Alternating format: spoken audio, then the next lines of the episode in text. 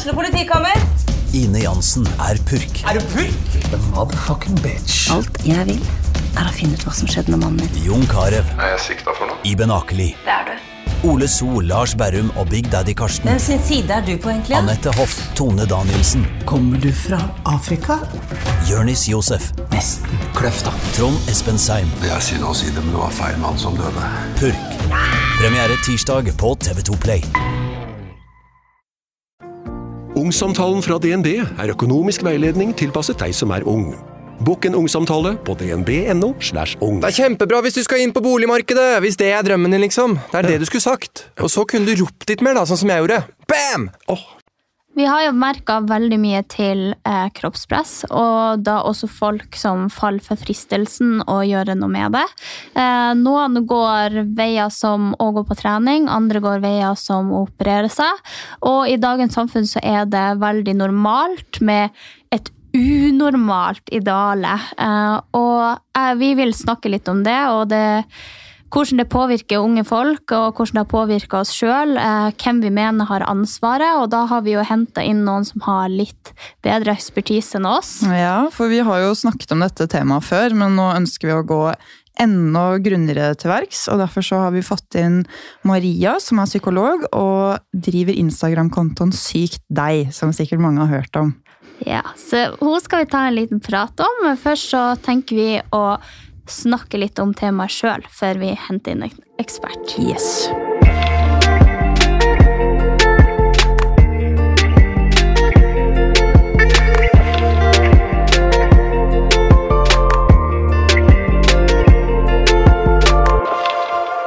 Som vi sa tidligere, så er jo dette et tema vi har snakka litt om før, men vi begge føler vel at det har blitt veldig mye i det siste, og begeret har kanskje rant helt over eh, for noen. Eh, og det er jo snakk om influensere da, spesielt, som promoterer det her i sosiale medier, og som får det her til å virke som en dans på roser. Nå snakker jeg om det å operere seg. Eh, jeg kjenner veldig på det sjøl, og føler at jeg og Anja har et veldig forskjellig standpunkt i denne saken, fordi jeg har jo også falt for fristelsen eh, og gjort visse ting med meg sjøl, og så har jeg vel kanskje gått litt tilbake på de tingene og tenkt at å, herregud, eh, det her er ikke noe man burde falle for, om noe man burde føle eh, i senere tid. Nei, det er jo det som er litt, litt skummelt også, da, fordi det blir en veldig lettvint løsning. Istedenfor å jobbe med seg selv, så kan man bare gå og, og ordne på ting. da. Og det jeg syns blir veldig trist i det hele, er at eller som jeg føler på, da, som på en måte ikke, som har valgt å ikke gjøre noe som helst, er jo litt sånn at jeg føler ikke at det blir nok da, til slutt. fordi at oppimot de som kanskje fikser litt her og der Nå snakker jo ikke jeg selvfølgelig om de som er sånn for jeg tror mange som tenker på operasjoner og sånn, ser for seg til sånne, hva heter det, de som har, det som har gått feil. da. Liksom Veldig store Restylan-lepper eller liksom helt sånn der katteansikt og sånn. og liksom sånn, Å nei, det er ikke noe fint. Men det er veldig mange som har gjort veldig mye som kanskje ikke synes, eller som man ikke ville tenkt over hvis ikke det var en drastisk forskjell, da, som faktisk ser veldig ekte ut. Og da syns jeg at det er litt sånn Jeg kjenner på det at jeg syns det er vanskelig å bli å skulle bli sammenlignet da, med noen som har valgt å operere seg eller fikse på seg, fordi at Sånn som sier puppene mine, da. Ja, jeg har vært veldig heldig og på en måte har fått, jeg har fått pupper som er Altså, jeg har vært heldig med de, på en måte, men som jeg sikkert har sagt tidligere i podcast-episoder også, så, så, er jo ikke det silikonpupper. De, de, henger jo, på en måte. Og jeg skulle jo gjerne ønske at jeg på en måte kunne sprade rundt liksom sånn der, og bare bestille meg akkurat den bikinien jeg vil ha, eller liksom sånn, bare se på hvordan ting ser ut på nettet, og så være sånn Ja, ja, men det passer uansett, og det er ikke så farlig med hvordan jeg, hva jeg tar på meg, eller ingenting. Jeg må liksom jeg føler meg ikke komfortabel, da, men det er jo fordi jeg ikke føler meg komfortabel. Jeg kan jo på en måte jobbe med meg selv og bli komfortabel med det jeg har. da. Og det er jo kanskje det jeg tenker at veldig mange dropper å gjøre i dagens samfunn, fordi det er så tilgjengelig og så lett, og det er jo nesten på en måte forventet at man skal gjøre noe. Ja, og så kan jeg jo bare si at når du sier at eh, de tingene sliter med, så tror jeg det er veldig mange andre som sliter med akkurat det samme, at de ikke føler de ser bra nok ut. Og i bunn og grunn så har vi jo fått kroppen utdelt som et, altså, som et tempel, da, som en arbeidsmaskin som skal få oss gjennom dagene. Den, du skal stå opp med den, du skal jobbe med den. Eh, skjønner du, Det er de tingene du skal bruke kroppen din til. Det er jo på en måte ikke en utstillingsdukke i et eller annet vindu som folk skal se på. Eh, og det er der jeg tror det har kanskje gått alvorlig feil eh, en gang i tida. At nå har det blitt mer i hermetegnet objekt som folk skal synes er attraktivt. og som folk skal se på. Mm. Selv om man jo da trektes også før i tida til dem som var pen. Eh, og det som jeg sliter litt med, er jo akkurat det her som du sier, at man blir eh, sammenligna med folk som har gjort veldig mye.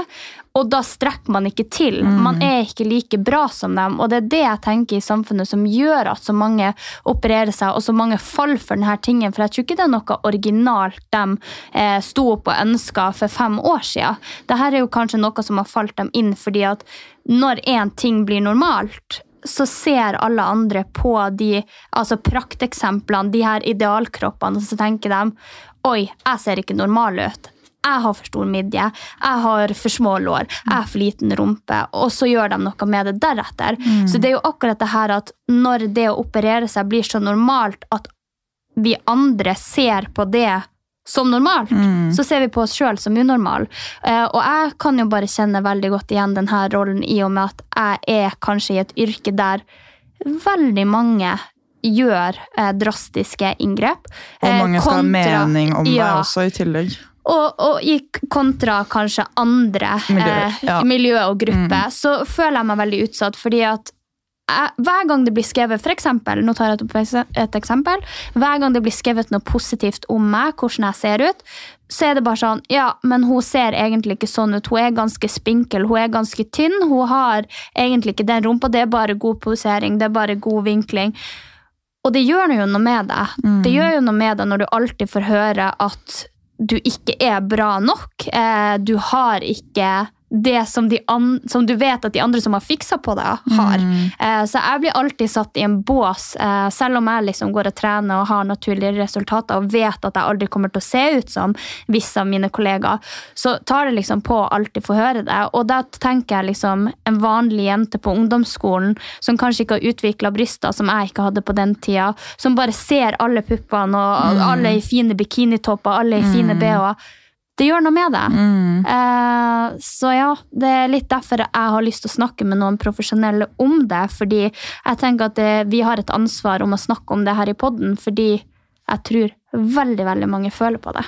Ja, og vi har jo stilt litt spørsmål til dere også, så dere kan få bidra inn her. og det er jo det er noen som syns det er helt greit, og andre som syns det er mindre greit. Og det er folk som syns det er forskjell på små inngrep versus store inngrep, og måten man promoterer det på. Og det kan vi jo si oss ganske enig i, at, at vi ikke er helt fan av den promoteringen. Men så er det jo den derre promotering versus det å være åpen, da. Fordi jeg tenker at sånn, jeg, For min egen del så hadde ikke jeg blitt veldig påvirket til å gjøre noe sånn hvis jeg hadde fulgt hele operasjonsgreia. og vært veldig sånn, Men hvis jeg hadde sett en pen jente på Instagram, da, og hun hadde fine pupper, og jeg hadde liksom, så ville jeg jo vite om det var silikon eller ikke, så jeg slapp å liksom tenke sånn og det der er ekte pupper, hun har vært heldigere med G. altså sånn, Hvis du skjønner hva jeg mener, og vite sånn ja, ok, men det er silikon, da, da skjønner jeg at hun har sånne. Men det får meg jo også til å få lyst på silikon selv. Så det er en sånn dobbelthet der som er skikkelig vanskelig. Om man skal være åpen med alt dette man gjør, eller hvordan den åpenheten påvirker f.eks. følgerne sine som influensere, men ikke minst i vennegjengen. For mm. det er jo også der, der mange føler presset, da. I det miljøet du er i, og de vennene du har. Altså Har alle venninnene dine tatt Restylane, så tar nok du også Restylane. Ja, stor sannsynlighet for det. Så er det også noen som lurer litt sånn på det. Er det feil å dele den prosessen hvis følgerne dine spør om det? Uh, og der tenker jo jeg uh, at det er feil. fordi det er ikke alle følgerne dine som har bedt om det. Og det er ekstremt mange som er inne og snoker og sammenligner seg sånn uansett. Selv om kanskje Hvor mange er det som sier at de vil, at de vil se hele prosessen din da, og liksom følge med og på en måte se denne promoteringen av en operasjon? Er, jeg tror nok det er en veldig liten prosentandel av de som følger deg. Og så tror jeg også at det er den generelle nysgjerrigheten i folk. Det er nødvendigvis ikke noe du vil bli eksponert for, men du vil vite mest mulig. Det er jo akkurat som hvis folk spør om de skal legge ut livshistorien sin og familierelasjoner og ting som har gått gærent, som er ganske privat, så vil man jo gjerne vite. Mm. Og det tenker jeg er akkurat samme greia med operasjoner. Men så er det jo blitt sånn at nå har vi jo hatt influensere som har operert seg siden tidenes morgen, eh, ti år tilbake. Og det har jo vært veldig mye promotering av det i sosiale medier. Og det er jo en grunn til at det kommer opp noe sånn at man ikke skal reklamere for det. Man skal ikke legge ut uh, skjønnhetsinngrep som Restylan, Botox, eh, ja, altså operasjoner, ingenting sånt. Det skal man ikke reklamere for. Og jeg tenker jo også at du kanskje ikke skal poste det fordi eh, det fører bare til hat, og du skal jo selvfølgelig få gjøre det du ønsker med din egen kropp. Men jeg føler at når du skriker ut at du gjør det, så er det dessverre noen som kommer til å falle på og lyst til mm. å gjøre det samme, kontra at hvis du ser en fin kropp, så, du, så kan du tenke for deg sjøl 'Å, shit, har hun trent? Å, shit, hvor fin hun mm. blir?'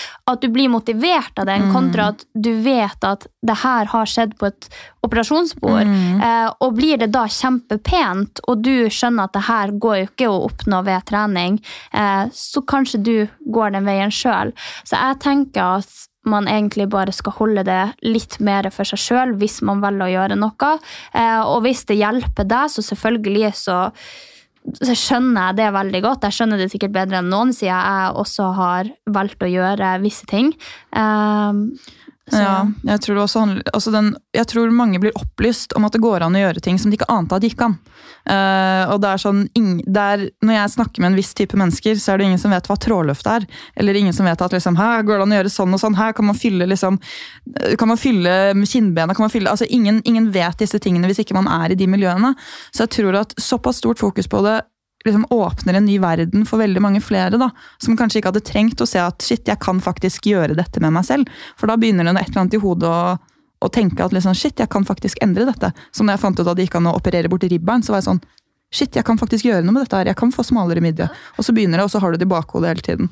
Ja, og det er jo det som på en måte blir så trist når det, når det er blitt så normalt. For at ja, jeg forstår at du kanskje tar silikon og tar Restylan og gjør litt smått her og der, men det er jo blitt så normalt å operere seg at nå tar man jo man tar jo kjønnsorganet sitt, man tar ribbein, man tar rumpeoperasjon, man eh, tar ansiktsløft når man er 20, man eh, tar trådløft. Eh, altså man gjør, man gjør alt som går an å gjøre, i tillegg at man kanskje setter på fake negler ja, og fake vipper. Her sitter, her sitter jeg med liksom nye vipper og negler, og sånn. Og så er det litt sånn, for jeg så noen skrev det at å ta Restylan var jo typ som å farge håret. Jeg, der er jeg sterkt uenig, fordi jeg bare føler ikke det! Nei. Jeg føler ikke det, jeg vet at folk sier at sånn, det går ut, og sånn, men jeg kjenner sånn Nei! Nei! Ikke det er en det. grense her! At jeg har på disse neglene mine som jeg for øvrig akkurat har satt på i dag, ja. så er det litt sånn Jeg føler at det er noe annet. Og vipper og bryn er noe annet. Liksom. Men sant, det, det, det, jeg snakka om her, var bare helheten med hvor mye man kan, faktisk kan ja, gjøre. Ja, og så er det gjerne spraytan, og så er det at du skal vokse. Altså, Du gjør jo en helomvending på hele mm. kroppen, og så farger du og striper håret. Og hvem gjør du det for? Hvem gjør du det for? Hvem gjør du det for? Det er jeg veldig interessert i å finne ut mer om. Ja, jeg håper at Maria har litt mer svar til oss, og jeg gleder meg til å kunne stille henne spørsmål. Jeg òg. Hei, Maria. Hei, hei. Tusen takk for at du ville komme til oss i dag. Takk for at jeg fikk komme. Jeg så jo faktisk nettopp på storyen din at du har delt mye om kroppspress sånn i dag og i går. Og det er jo veldig perfekt i forhold til dagens tema.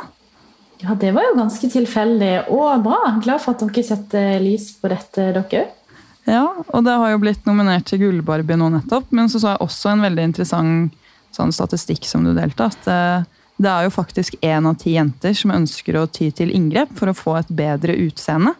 Vet du mm. på en måte noe om, om hvorfor? Fordi det har jo vært en økning. Mm. Ja, det man har sett er at det har vært en veldig stor økning, i hvert fall etter pandemien kom. Um, og så har man tenkt litt på hva, hva, det kan dreie seg om, hvorfor det er sånn. Uh, og det kan det jo være mange grunner til, men uh, en av de kan være at vi har tilbrakt mer tid hjemme uh, på sosiale medier. Og da er det to ting som skjer. For det første så ser vi ned på oss sjøl. Fordi for eksempel, sånn som eh, når vi sitter i sånne Teams-møter på mange barn og ungdom som sitter og har undervisning og ser på seg sjøl i løpet av hele dagen, mm. så blir man veldig selvbevisst. Eh, på en måte som egentlig ikke er helt naturlig for oss. Eh, når vi kommuniserer med andre, så skal vi jo egentlig se inn i blikket til hverandre og speile oss i hverandre. Um, men når vi bruker mye tid på å se på oss sjøl, så blir man mer bevisst over seg sjøl, og da er det lettere å òg få usikkerhet knytta til sitt eget utseende. At man liksom legger merke til ting som man ellers ikke ville ha lagt merke til. Uh, I tillegg til at man òg ser veldig mange andre samtidig, og da blir det veldig sånn lett å sammenligne seg sjøl med de andre man ser. Um, og så er det dette med sosiale medier. fordi vi vet at man har brukt enda mer tid på sosiale medier. Og der har det skjedd en evolusjon, da. En revolusjon innenfor sosiale medier. Både ved at det er mange nye apper, eh, og de fleste av disse appene har dette som heter filter. Eh, hvor man kan eh, sette på eh, et sånn falskt utseende. da. Eh, F.eks. på TikTok så var det jo lenge dette som heter beauty mode. Så når du trykker på en knapp, så som heter beauty mode, så fikk du kanskje renere hud, større øyne og litt større lepper og de tingene der. Og, og bare det at den knappen heter beauty mode, er jo egentlig en eh, direkte kritikk til ditt faktiske utseende. Ja. Eh, fordi da er det det som defineres som beauty ifølge TikTok. Og at du skal ha litt større lepper, så er du penere. Eh, så da blir man bevisst over noen ting som man kanskje ikke har tenkt over før. I tillegg til at man bruker mye tid på sosiale medier og ser på andre som har, eh, har gjort dette, og som bruker filter eller som har tatt inngrep. Og jo, jo mer vi ser på sånne ting, um, jo mer normaliserer hjernen det. Så etter hvert så blir vi såpass vant til det at vi faktisk ikke reagerer så veldig uh, og tenker at dette er det normale. Og når vi tenker at noe er normalt, så er det veldig lett å rettferdiggjøre den handlinga for seg sjøl og tenke at ja, men alle andre gjør jo det. Det er akkurat sånn som før. For 50 år siden så var det ikke så mange som farga håret, men nå er det blitt en normal ting. ikke sant? Mm. Eh, så, så, plutselig så normaliseres det å ta sånne inngrep òg, da. Ja, for det ser man jo, det ser man jo veldig nøye på nå, og det kan jeg jo kjenne meg sjøl igjen i. fordi jeg husker jo tilbake til en tid der det verken var Snapchat-filter, der det ikke var filter på Instagram på utseende. Eh, og nå er jeg blitt veldig bevisst på det, så jeg prøver å legge ut så lite med filter som mulig, fordi at jeg ikke har lyst til å venne meg til at jeg ser ut sånn, og at når folk faktisk ser meg da, så kan de være kritikk på mitt utseende som som f.eks. at nei, men hun så jo ikke sånn ut, hun hadde litt større nese eller litt mindre leppe eller kanskje ikke så stor rumpe.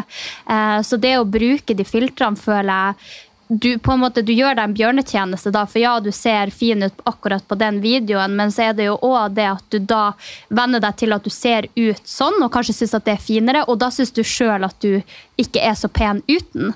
Uh, så jeg syns det er veldig rart nå kontra hvordan det var før. Før hadde vi jo ingenting av de her greiene.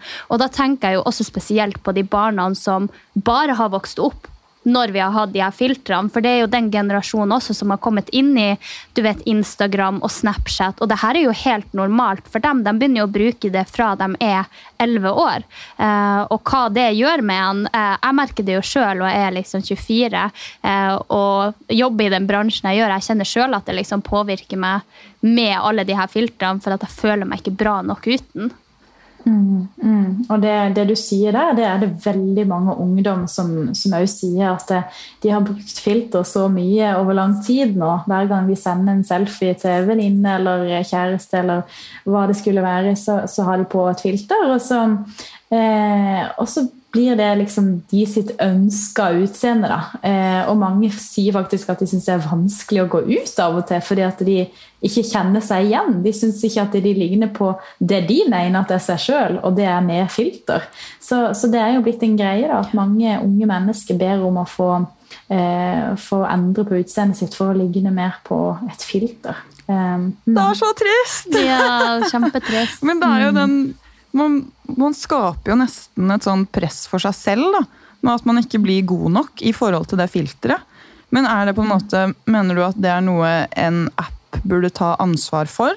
F.eks. å fjerne de, eller er det noe man bør være veldig eh, bevisst på og ikke bruke det så mye? Mm.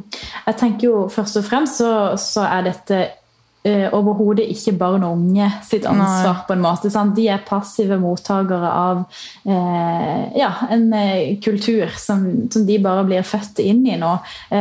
og så er det jo vi voksne sin jobb å veilede de opp i det.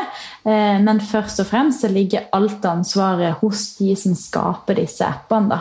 så det er, der, det er der jobben må gjøres. fordi Um, faren er jo at hvis det blir veldig stor avstand mellom det vi idealiserer som skjønnhet uh, i samfunnet, og hvordan folk faktisk ser ut, på en måte Hvis det blir veldig sånn at det, som ikke er naturlig lenger, er godt nok, Eh, så vil det bli veldig store både sosiale forskjeller, fordi at det faktisk er kostbart å endre på utseendet. Og det vil være store forskjeller på hvem vi syns er attraktive. Eh, og det, det, det, vil kunne skape masse, masse, problemer, og vi ser jo det på, en måte, på den psykiske helsa hos mange ungdommer. Mm. Ja, for det var litt det vi snakket om eh, før du kom inn. at Jeg føler jo veldig på det, at jeg på en måte ikke blir det er derfor det frister å endre på utseendet, fordi jeg føler meg ikke bra nok i forhold til de som kanskje har fikset litt. da. Eh, og sånn at Mine pupper som er naturlige, de ser ikke like, ikke fancy, men altså de ser ikke like digge ut da, for eksempel, som silikonpupper. Eller leppene mine er litt skjeve der og der, og så ah, nei, det kunne jeg egentlig tatt Restylan for å rette opp på. Man blir veldig fokusert på alt det går an å gjøre. da.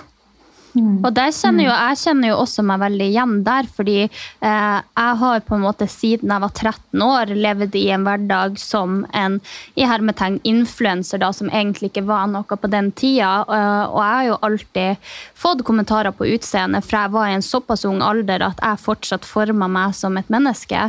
Eh, og for min del så eh, kom jo det ut i at jeg ble veldig mobba fordi eh, jeg ikke utvikla bryster.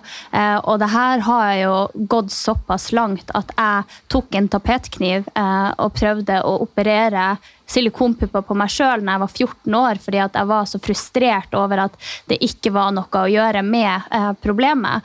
Og alle på en måte fikk bryster. Og jeg tror det på en måte det har funnes bestandig, men jeg tenker at når jeg var 13 år på den tida, så var ikke vi i den verden vi lever i i dag. Vi så ikke alle de supermodellene. Vi hadde dem ikke opp i ansiktet i sosiale medier. Vi hadde dem ikke opp i ansiktet eh, på alle serier og filmer. Altså, det er så mye nå, så jeg kan bare tenke meg sjøl hva unge føler i dag, kontra hva jeg følte på den tida, som kanskje bare ble mobba på skolen for at jeg ikke hadde bryster, eller at folk kanskje sa, skrev det på Facebook-profilbildet mitt. Så kan jeg bare tenke meg hva folk går igjennom nå, når man både har TikTok, man har Instagram, man har Facebook, eh, i tillegg til at når du kommer på skolen, så har folk en forventning til at du skal se ut som en supermodell allerede når du er 14 år. Uh, mm. Så jeg kan jo kjenne veldig på det, og har jo gjort ting med eget utseende. Og mye av de tingene jeg har gjort, har jeg jo kanskje ikke gjort ene og alene for meg sjøl, uh, men for at det er forventa at jeg skal se ut på en typisk måte, uh, og alltid har på en måte blitt målt opp etter hvordan jeg ser ut. Mm. Og det er jo på en måte veldig lett å forstå det, da. ikke sant? Fordi du har levd i en kultur hvor eh, veldig mye av de tilbakemeldingene og vurderingene du har fått på deg som menneske, har vært, har vært basert på, på, eh, på utseende. Um, og på ganske overfladiske inntrykk av oss som mennesker. Når vi publiserer veldig mye av oss sjøl på sosiale medier og får tilbakemelding på det, så er jo det egentlig det er jo en filtrert utgave av oss sjøl, selv, eh, selv om det var før filterens tid da, da, du vokste opp, men vi legger jo ut altså Alle legger jo ut den beste utgaven av seg sjøl hele tida. Eh, og når vi får veldig mye bekreftelse på den utgaven av oss sjøl, men ikke så mye på den vi er egentlig, sant? Eh, hvis vi kanskje er mye alene på jenterommet eh, og ikke har noen relasjon i nærheten som kan bekrefte at det sykt fint å være sammen med det. For det er jo der vi egentlig bør høste selvfølelse. Det er liksom i våre gode og nære relasjoner å dyrke de og kjenne på at disse menneskene liker å være sammen med meg fordi at Eh, fordi at jeg er den jeg er, ikke fordi at jeg ser ut sånn som jeg ser ut. Eh, men det er jo sånn på en måte kulturen er litt nå, da, at jeg tror, jeg tror det problemet bare øker. Eh, fordi at vi altså vi har jo levd i en pandemi hvor vi faktisk ikke kan være sammen. Og da har jo veldig mye av vurderingene vi har gjort på hverandre, vært basert på det. Og så kommer Tinder inn, ikke sant? Og det er jo mange som har funnet kjærligheten på Tinder. og det er, jo, det er, jo, et fint konsept på mange måter, men det er jo basert på 100% overfladiske inntrykk, og ikke basert på om dette er et menneske jeg kan ha det gøy sammen med, og jeg, som jeg kan kjenne kjemien stemme på. ikke sant? For det er det som egentlig vil predikere et litt mer sånn lengre god relasjon da, ja, enn det, det, der første. Mm. Det, det, tok jeg nemlig akkurat opp, fordi eh, det kom en app på markedet som heter Timeling, der du på en måte legger ut et arrangement. Eh, og så kan de som har lyst til å gjøre samme aktivitet som deg, de kan like det, og så kan du velge ut ifra det. Eh, og her har jo jeg snakka om Tinder, som jeg egentlig ikke har syntes noe om siden det kom, fordi jeg har sjøl sjelden og aldri eid Tinder. Eh, jeg tror lengste perioden min på Tinder kanskje var på en uke. Og jeg har jo sett mine venner sitte på mobilen, og jeg blir alltid like sjokkert, fordi at de sitter og så ser de på et bilde. Eh, og så fortere enn jeg klarer å se på det bildet eller har lest om denne personen, så sveiper de enten høyre eller venstre. Og de sveiper jo veldig veldig, veldig mange til venstre, som jeg bare tenker å shit, hun var jo kjempepen, eller han var jo kjempekjekk. Eh, sånn at jeg tror at toleransen nå for på en måte å synes noen er attraktiv, eh, er mye lavere enn det den kanskje en gang var. Eh, jeg tenker at og jeg kjenner det liksom sjøl også på, på, hvem jeg syns er pen og ikke. og Det er liksom sånn, det er helt jævlig å si det, men men jeg syns sjelden folk er pene for tida, fordi at vi har fått et så eh, Jeg vil si et så eh, feil i hermetenkt syn på det at hvis du skal være pen, så må du være helt perfekt i forhold til det idealet som er nå. Og hvis du kommer litt utenfor, så syns kanskje veldig få at du er attraktiv. Og jeg merker det skikkelig på meg sjøl også. Jeg syns det er skikkelig fælt, fordi noen av de beste relasjonene jeg på en måte har hatt, som du sier, det er jo med folk som har en personlighet som du knyttes til, eller dine nære relasjoner. Eh, og de som jeg har best relasjon til, er jo overhodet ikke nødvendigvis dem som på en måte ser perfekt ut utenpå. Eh, der syns jeg nesten at det er en stor kontrast med at dem som ser perfekte ut, sjelden og aldri faller meg i smaken, fordi at de har bare utseendet sitt å falle tilbake på. De har liksom ikke trengt å utvikle personligheten sin eller være mer intelligent, fordi at de får de tingene de har lyst på, bare på grunnlag av hvordan de ser ut. Eh, mm. sånn at jeg syns at det, ja, det er veldig, veldig spesielt og veldig sant, som du sier. Men er... Det er litt sånn mm, ja, nei, altså bare tenker sant, Det du beskriver, det er ganske Vi er jo òg opptatt av, eh, av, natur. Altså er vi opptatt av symmetri. Vi tiltrekkes av enkelte ting, og vi har preferanse. og eh, Vi kan godt si at utseendet har ingenting å bety, men, men, det har faktisk noe å si for vår første tiltrekning til et menneske. Eh, det er en del av vår reproduksjon, at vi, vi er liksom opptatt av de tingene. Eh, men, eh, men det, det at det på en måte er blitt så fjernt fra det naturlige, er jo litt uheldig. Og så er det òg det der aspektet ved at eh, det må jo òg være lov å være opptatt av å kose seg litt med noen flyktige relasjoner i en periode av livet. Det er jo noen som syns det er fint å bare date, date, mange på en kort tid for å bli kjent med seg sjøl og oppleve hva, hva fins det av mennesker der ute. Eh, og det går an, ikke sant? Eh, men da tenker jeg at det er viktig at man er litt ærlig på det og si, at, uh, si ifra om det på forhånd. Mm. Mm. Men sånn, fordi, sånn som du sier at det er en naturlig del av oss, det å se på utseende og like symmetri. Men jeg føler jo at på en måte at det har bare eskalert veldig. At det på en måte har blitt eh, altså at verdien av et utseende har blitt høyere da, med årene som har gått. Stemmer det, eller er det sånn, kan man se det på noe utvikling? At det at det har plutselig fått mer betydning da, for folk når de skal velge seg en partner? Ja, altså i og med at på en måte datingapp og sosiale medier egentlig Ja. Eh, det bygges jo opp på, det bygger under disse prinsippene da, med at eh, vi tiltrekkes av symmetri. Og de lager filter som gjør at vi blir mer symmetriske. Og eh, all markedsføring vi ser, på en måte, alle modellene vi ser og bilder, eh, bygger opp under en veldig symmetrisk kropp, på en måte, så, så, så er det klart at vi som eh, aktører i samfunnet ilegger utseendet mer og mer en større verdi enn det det kanskje har når du faktisk sitter der med den partneren du har lyst til å dele livet ditt med, eller eh, tenke over hvem av dine venninner som, eh, ja, som betyr mest for deg, eh, eller vennene. sant? Mm. Men sånn, når det kommer til influensere, og sånn som det har vært mye av det i det siste altså Hvorfor er det sånn at vi blir påvirket av alt dette? Kunne, liksom ikke, kunne vi ikke sett på de filterne og bare tenkt sånn Ja, ja, men sånn, sånn, ser, sånn, ser, vi ikke ut. Sånn er ikke det naturlige. Eller hvis man ser noen som har fylt Restylane, liksom sånn Å ja, nei, men det, det, gjør ikke noe. Det, herregud, ja ja. Hennes, hvorfor blir man påvirket? da? For Jeg kjenner sånn, jeg er 26 år gammel, og jeg skjønner at barn og ungdom er veldig lett påvirkelige, men jeg føler meg jo like lett påvirkelig selv. Mm. Jeg tenker, sånn, Selv om vi vet disse tingene, for det er veldig mye, mye vi vet om hva som er bra for oss. F.eks.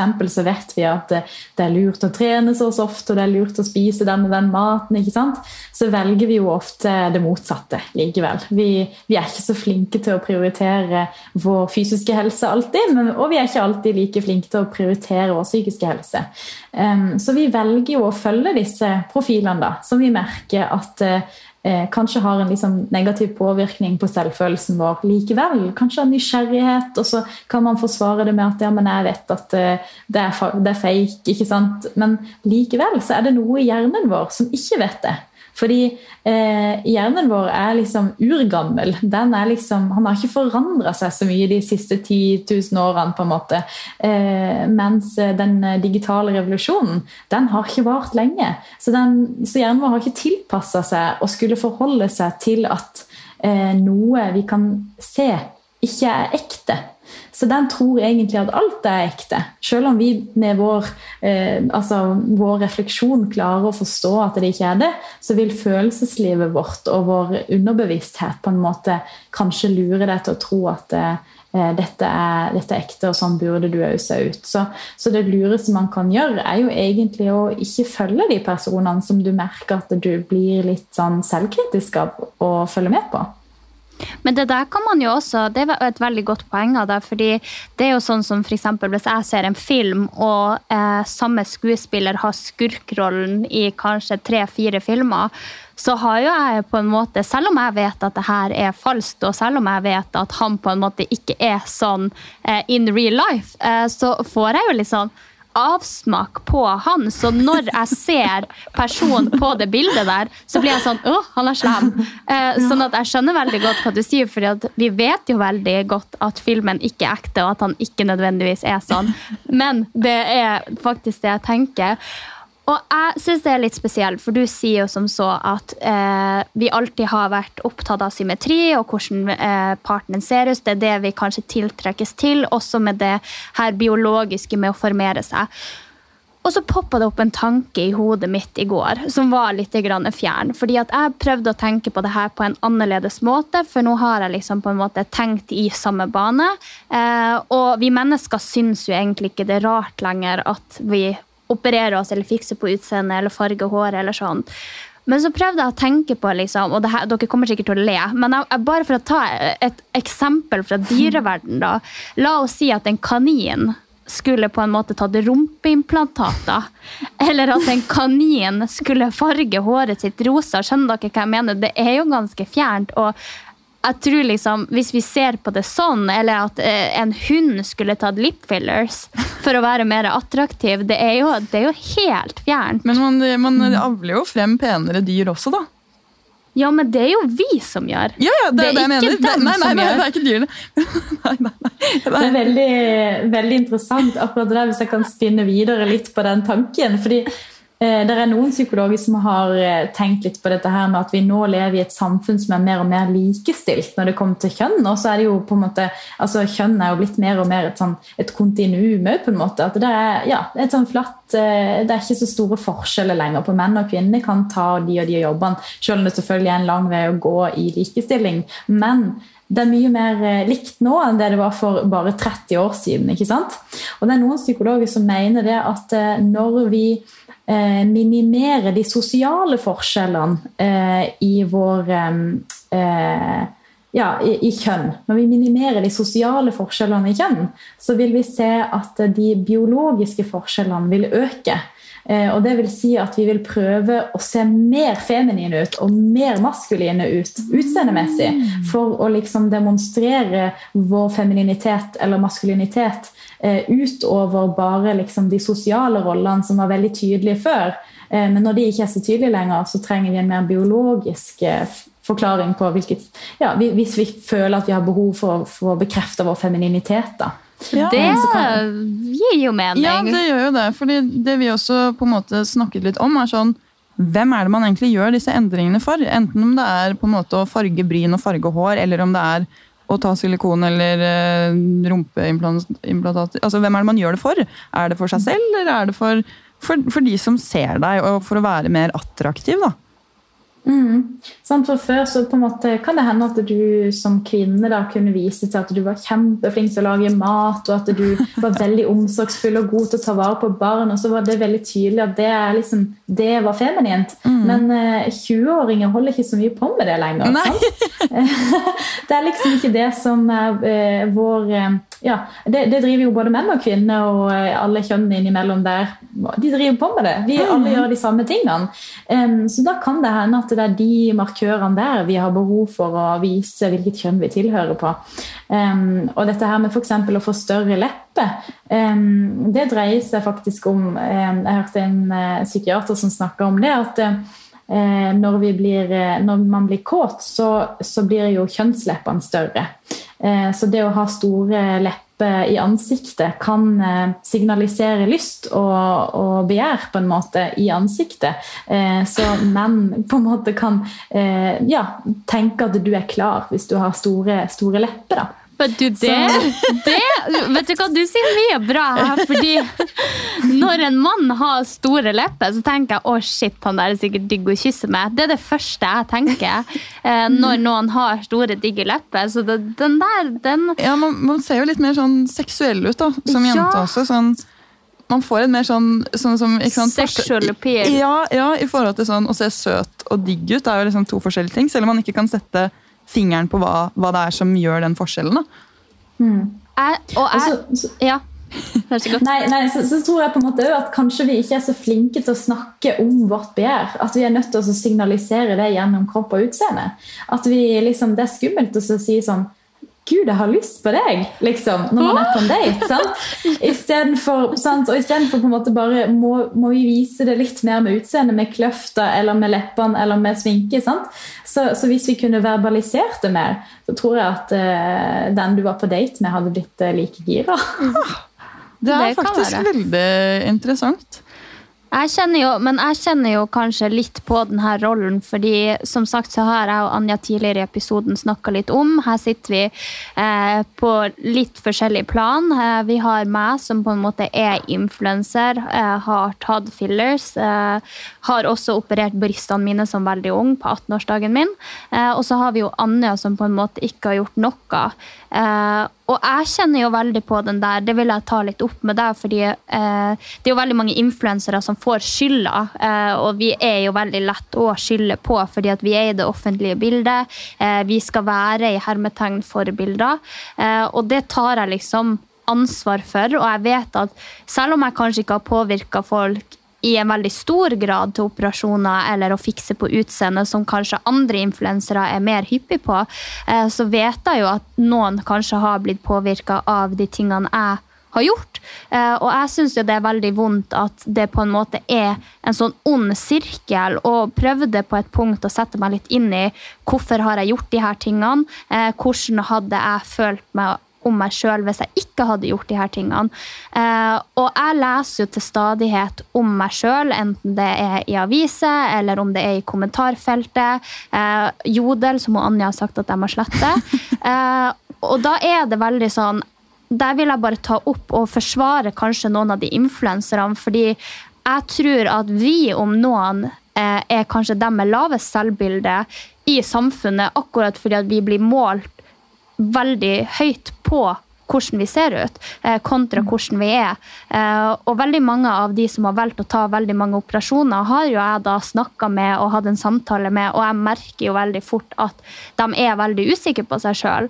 Og så igjen så står vi med det skiftet at eh, for, hvis du er naturlig, da, så vil folk kommentere at du har ikke en stor nok rumpe, hun har ikke så fine pupper, hun har ikke så smal midje.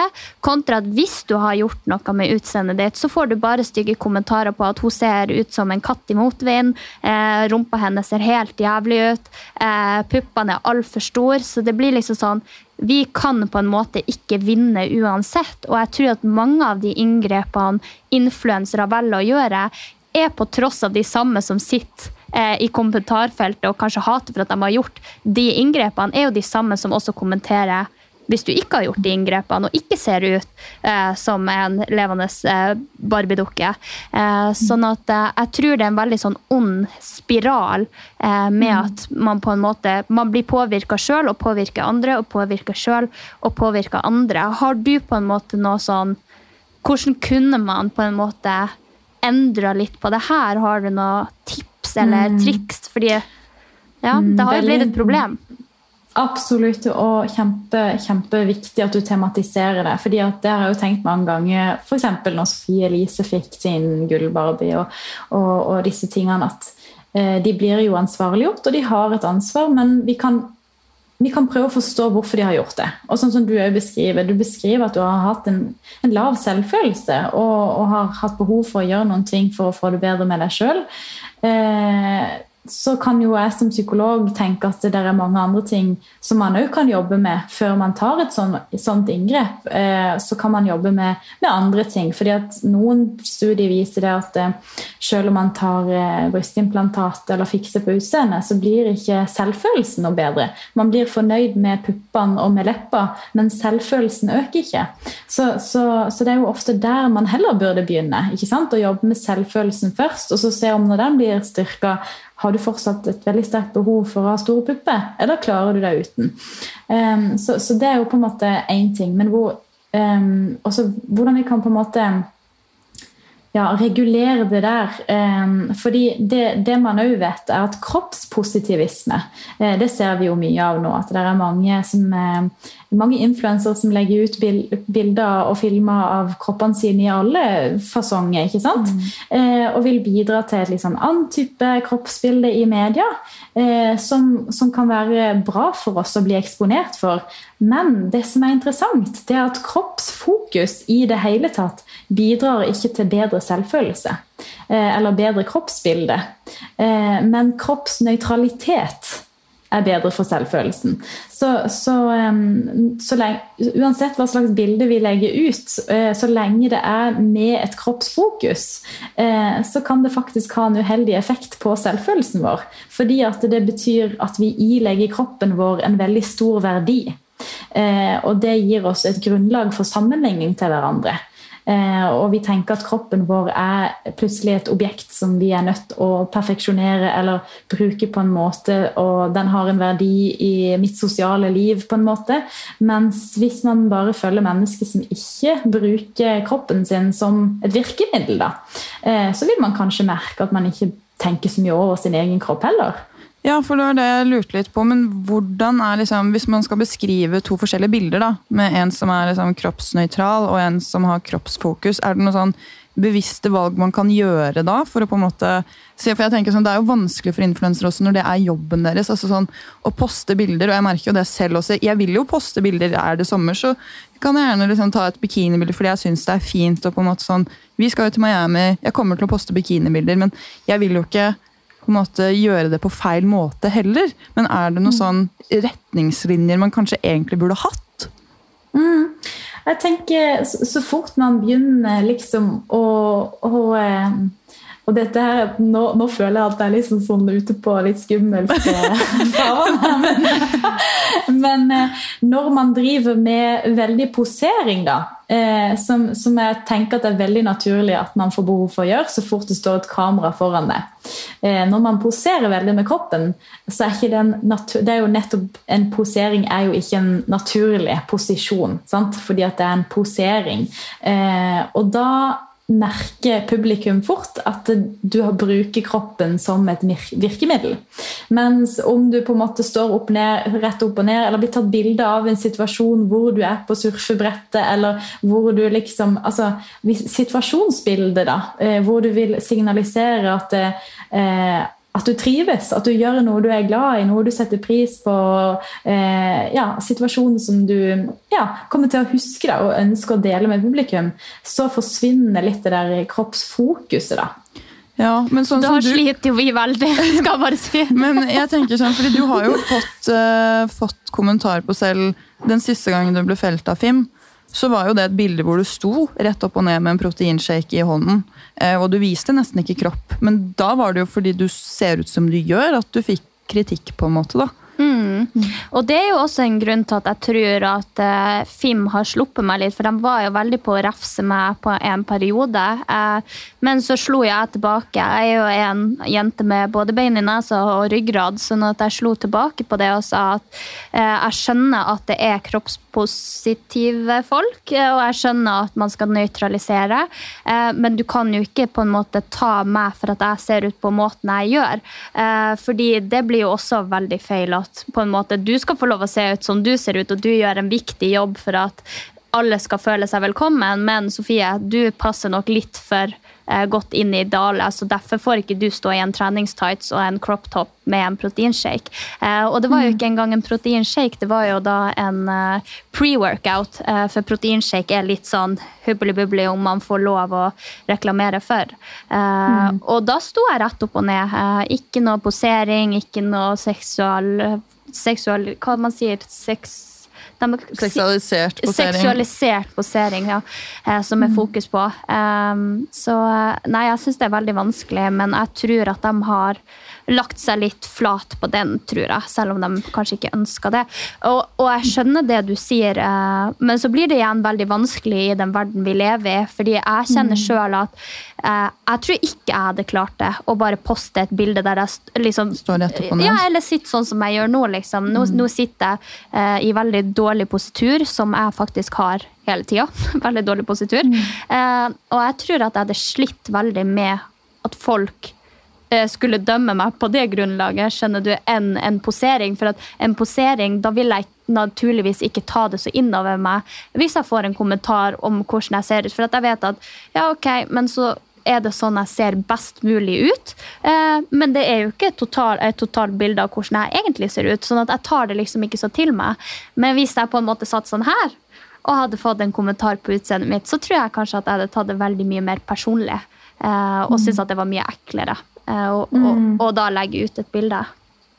Ja, så når du får kritikk, og du på en måte egentlig poserer og ikke er helt deg sjøl, så på en måte vet jo du at det var ikke helt meg sjøl, og du, du brukte kroppen som et virkemiddel. Du vet på en måte hva som kan komme, og hva som ikke kan komme. Så det er litt mer sårt da, når det kommer en kritikk på, på ditt faktiske utseende. Ja, for det- da, det- da tar du på en måte litt avstand til, til det. Du har posta det bildet, og så er du på en måte ferdig med det.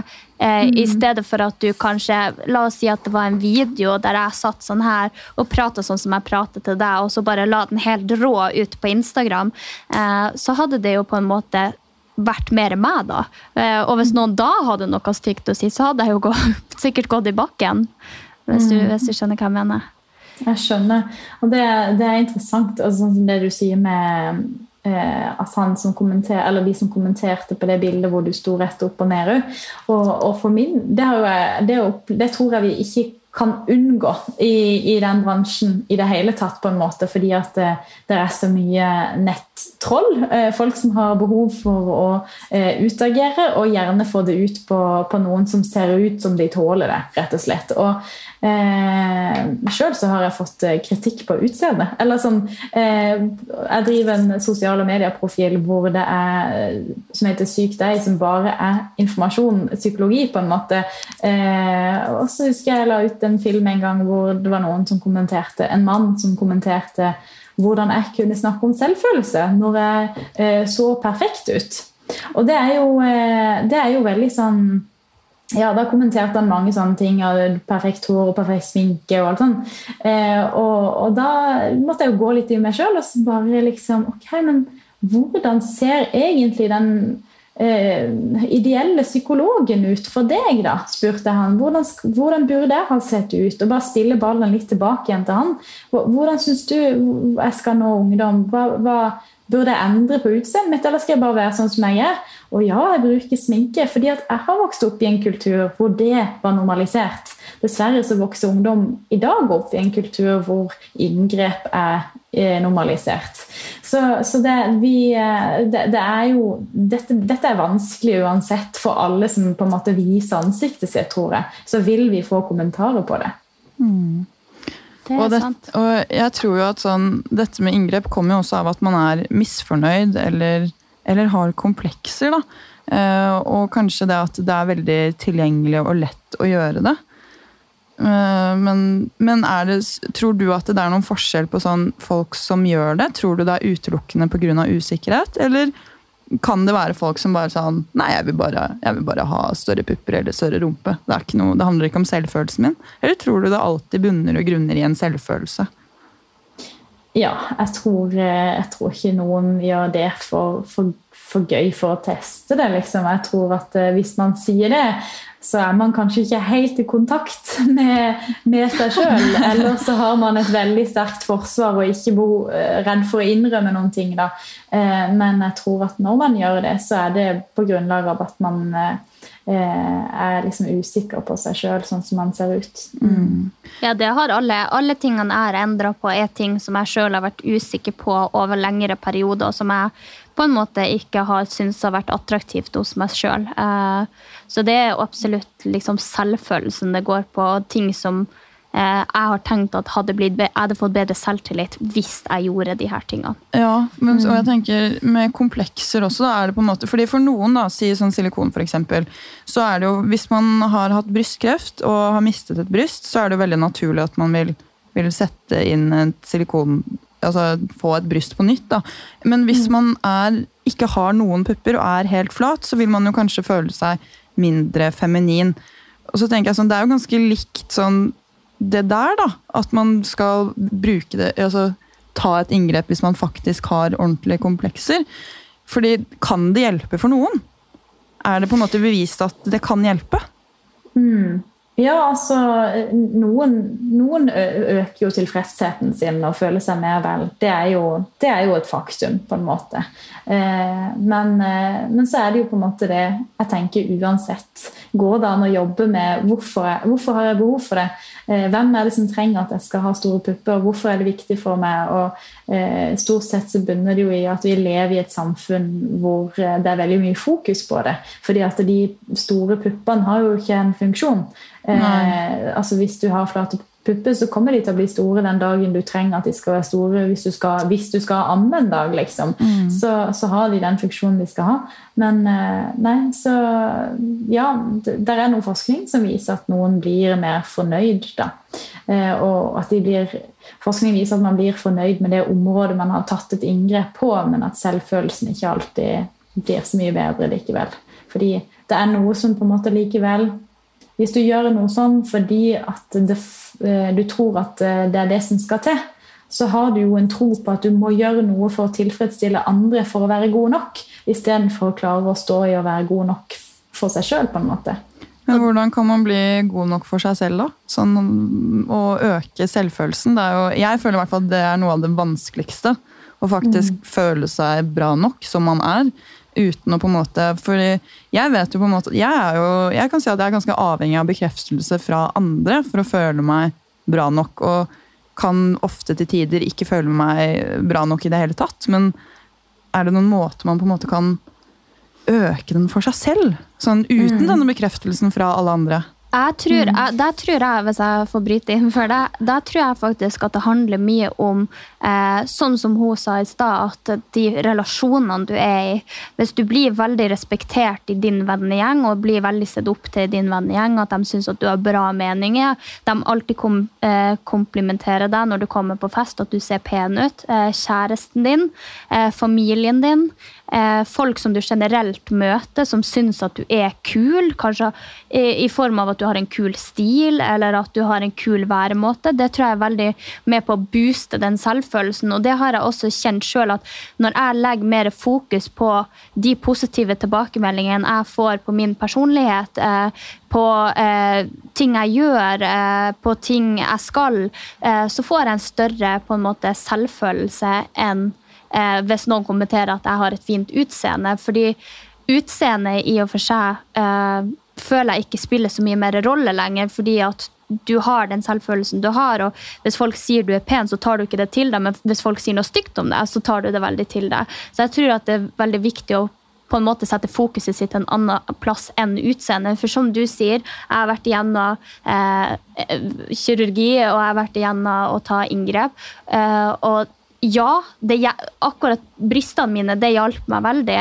Men når jeg hadde tatt brystene, så er det sånn som med dop at da, du, da er det noe annet som er feil. Sånn, da begynner jeg å se på dobbelthake, eller så begynner jeg å se på rumpe, eller kanskje til og med legger har jeg hatt komplekser for. Så det er liksom sånn jeg tror at du aldri vil være 100% fornøyd med et utseende. I hvert fall ikke i den verden vi lever i i dag. Så på en måte det å skifte litt fokus og eh, fokusere på ting som du kan gjøre noe med, være en bedre person, eh, være fetere, eh, ha litt kjappe replikker, kanskje bli litt klokere, det tror jeg vil hjelpe veldig mye på en eventuell selvfølelse. Å, det var fint sagt. Det, det, var egentlig det jeg skulle si. Psykolog eh, Sofie?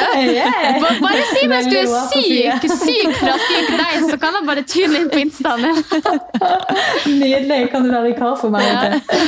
Veldig bra. Men eh, nei, det er, så, det er jo helt riktig.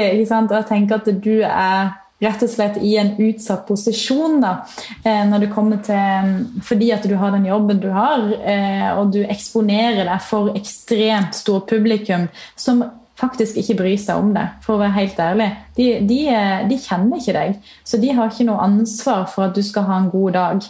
Men det har vennene dine og familien din. De, de har, får noe igjen av at du har det godt. ikke sant? Så det å høste bekreftelse fordi ja, vi alle trenger bekreftelse, eh, men høste bekreftelse fra de som kjenner oss både fra våre gode dager og våre dårlige dager, og som fortsatt velger å være der. Eh, det er det stedet hvor vi bør høste selvfølelse.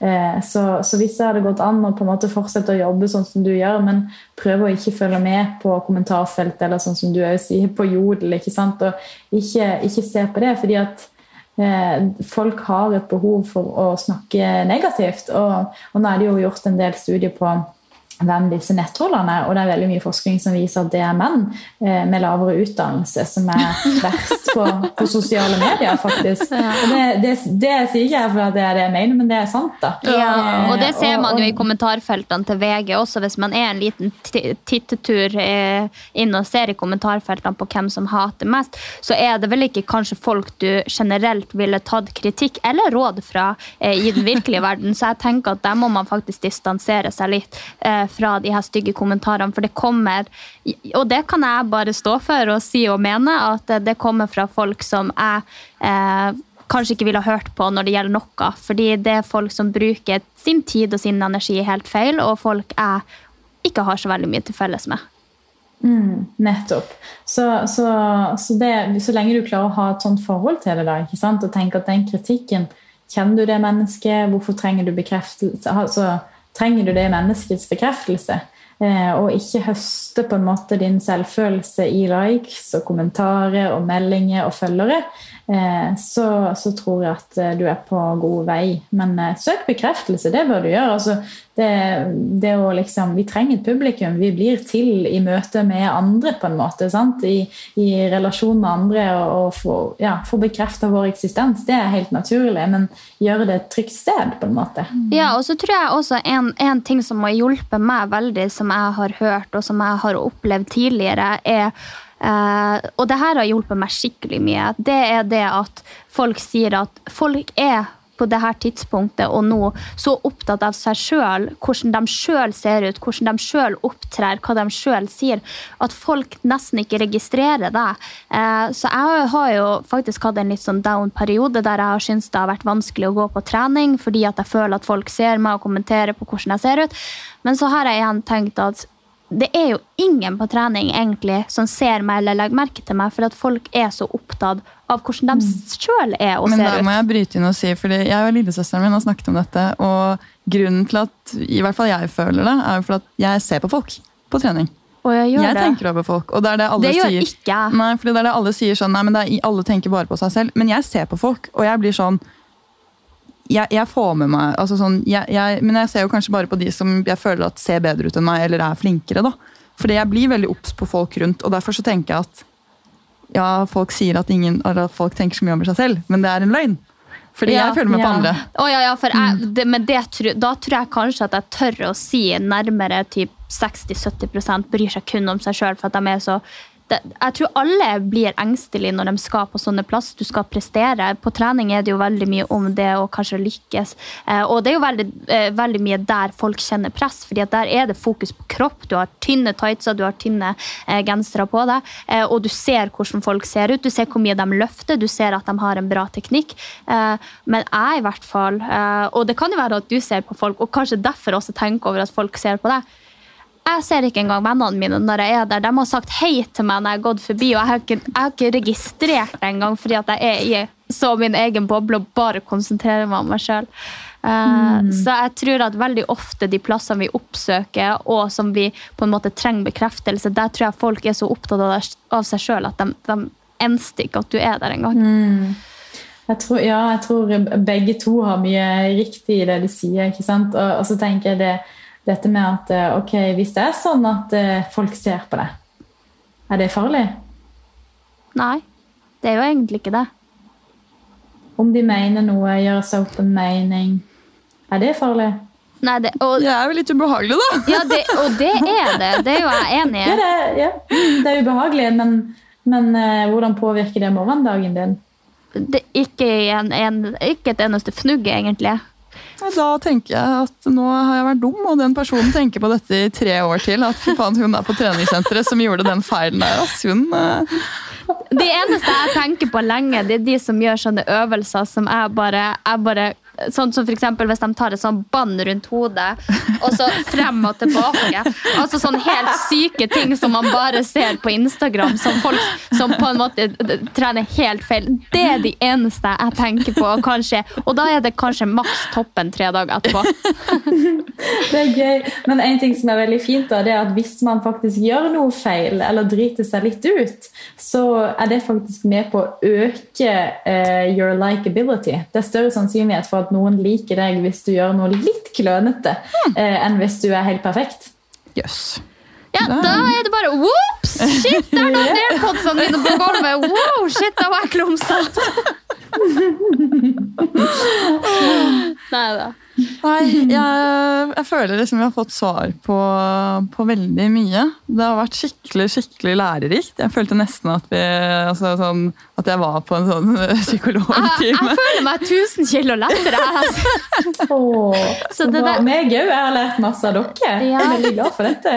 Det var veldig veldig deilig å få prate litt ut om det på en ordentlig måte med noen som på en måte har veldig gode svar. Eh, Og den til, kunnskapen og og den- kompetansen. ja, kunnskap og kompetansen på ting som funker og ikke funker, og hvordan vi egentlig tenker. Eh, det syns jeg var veldig, veldig fint å få på en måte svart på hvitt. Jeg tenker ett lite spørsmål på slutten. og det er eh, Hvor tror du utviklingen av dette her kommer til å føre oss? Av normaliseringen av inngrep og fiks på utseendet? Altså, vi, har, vi ser jo en økende trend, men det, det krever at vi nå faktisk mobiliserer litt eh, og, og sier ifra og gjør noe med det. At vi prøver å stanse den trenden. da, fordi eh, den, altså avstanden mellom det naturlige og, og det, det vi gjør med utseendet vårt, bør ikke bli større enn det han er nå. Eh, det gjør det vanskelig å være menneske. Eh, så jeg tenker hvis ikke noen bruker stemmen sin mer og, og sier fra om disse tingene, så, så vil det kunne utvikle seg og bli mer og mer normalisert. Og det er jo det er min frykt. Og vi ser jo at barn i ung alder får underskrift fra foreldrene sine for å gå og fikse på leppene sine. og, og det er det er tragisk. Da, da, er det, da driver foreldrene òg egentlig og kritiserer sitt eget barn ved å skrive under på det, tenker jeg. Nei, herregud. Altså, jeg, jeg blir så trist, men jeg tenker sånn Du har sagt så mye bra, og jeg håper at alle som har hørt på, har fått med seg Og du, Sofie, har også sagt mye bra. Jeg føler jeg sitter her med to psykologer. Dette har jo vært helt fantastisk. Så, Jeg, jeg tror bare at jeg kanskje har veldig mye å si på det her temaet fordi at jeg har levd så oppi det.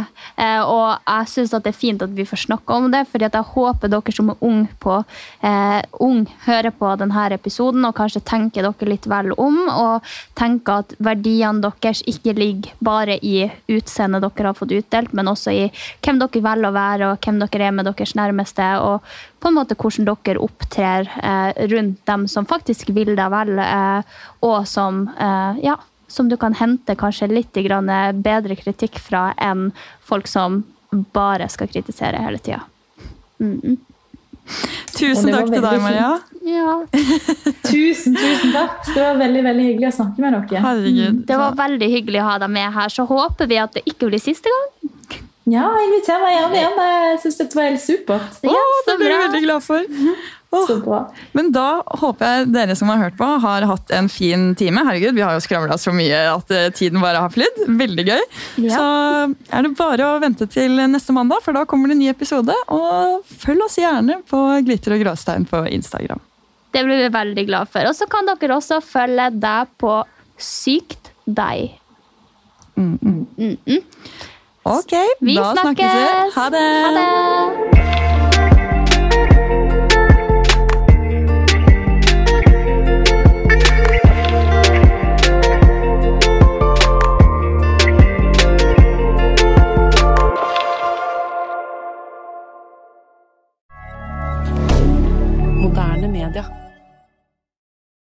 Har du et enkeltpersonforetak eller en liten bedrift? Da er du sikkert lei av å høre meg snakke om hvor enkelt det er med kvitteringer og bilag i fiken, så vi eh, gir oss her, vi. Fordi vi liker enkelt. Fiken superenkelt regnskap.